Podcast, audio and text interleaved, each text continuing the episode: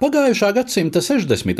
gados toreizējās Vācijas Federatīvās Republikas sabiedrība plūca pēckara desmitgažu ekonomikas izaugsmes augļus. Tomēr tieši šai laikā rietumvācu 20 gadnieku vidū sāka zelt kreisais radikālisms. Šai kara laika un pēckara paudzei šķita nepieņemami, ka sabiedrības elite veido cita starpā kādreizējie nacisti. Viņi bija krasā opozīcijā Savienoto valstu un to sabiedroto NATO dalībai Vietnamas karā, savus idejiskos orientierus viņi rāda marksismā, un daļas šo jauniešu cīņa pret to, ko viņi dēvēja par fašismu, kapitalistisko eksploatāciju un imperialismu, īstenojās reālā terorismā. Domājams, spilgtākā kaut ne tuvu nevienīgā šāda kreiso radikāļu grupa bija sarkanās armijas frakcija, preses un varas pārstāvju dēvēta arī par Bādera Meinhofas grupu grupu, kuras vairākiem dibinātājiem tiesas spriedums tika pasludināts 1977. gada 28. aprīlī. 1968. gada aprīlī četri jaunieši, starp kuriem bija arī vēlākie frakcijas līderi Andreas Bāders un Gudruna Eslina, veica pirmo terora aktu naktī aizdedzinot divus universālu veikalus Frankfurtē. Viņus notvēra, notiesāja, uz laiku tad atbrīvoja apgalvoja sakarā ar amnestiju, bet tad atkal mēģināja apcietināt, un trīs no četriem aizbēga no valsts, pēc tam atgriezdamies nelegāli un uzsākdami pagrīdes darbību. Organizāciju viņi izveidoja 1970. gadā, kad jau pieminētie Bāders un Eslina līdz ar juristu Horstu Māleru un žurnālisti Ulriki Meinhofu vairākus mēnešus uzturējās palestīniešu kaujinieku treniņu nometnēs Jordānijā. Sekoja banku aplaupīšanas, spridzināšanas, kuru galvenie mērķi bija Savienoto valstu militārā kontingenta bāzes Rietumvācijā, policijas objekti, konservatīvā mēdīju magnāta Aksela Springera koncerns. Vairākos uzbrukumos bija bojā gājušie un ievainotie. Paralēli teroristiskajai darbībai sarkanās armijas frakcija publicēja arī attiecīga satura rakstus pagrīdes presē.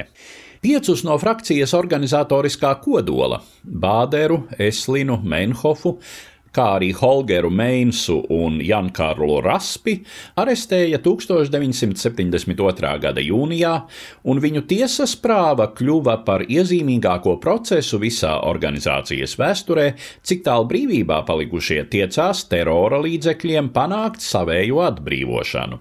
Notika vairākas tieslietu sistēmas amatpersonu slepkavības.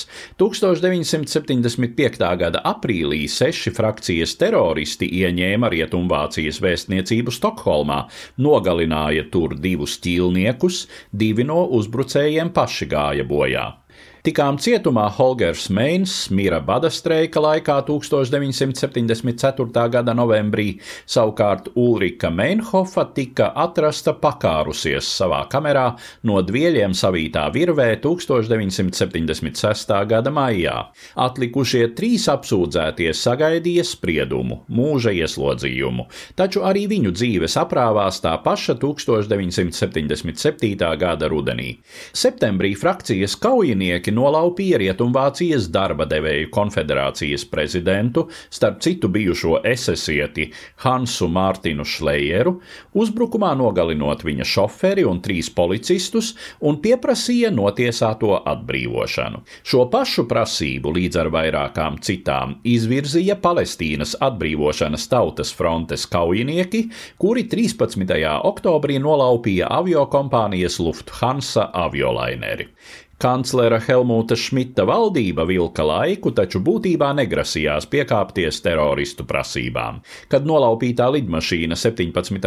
oktobrī tika atbrīvota Rietumvācu policijas specvienības operācijā Somālijas galvaspilsētā Mogadišu, Trīs atlikušie notiesātie nākamajā naktī izdarīja pašnāvības savās Štamheimas cietuma kamerās.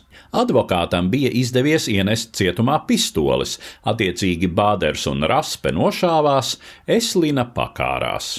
Nolaupīto uzņēmēju Šlejeru frakcijas teroristi nogalināja. Sarkanās armijas frakcijas terorisms turpinājās vēl nepilnus 20 gadus, apsīkstot tikai pēc padomju sistēmas sabrukuma un Vācijas atkal apvienošanās pagājušā gadsimta 90. gadu sākumā. Stāstīja Eduards Liniņš.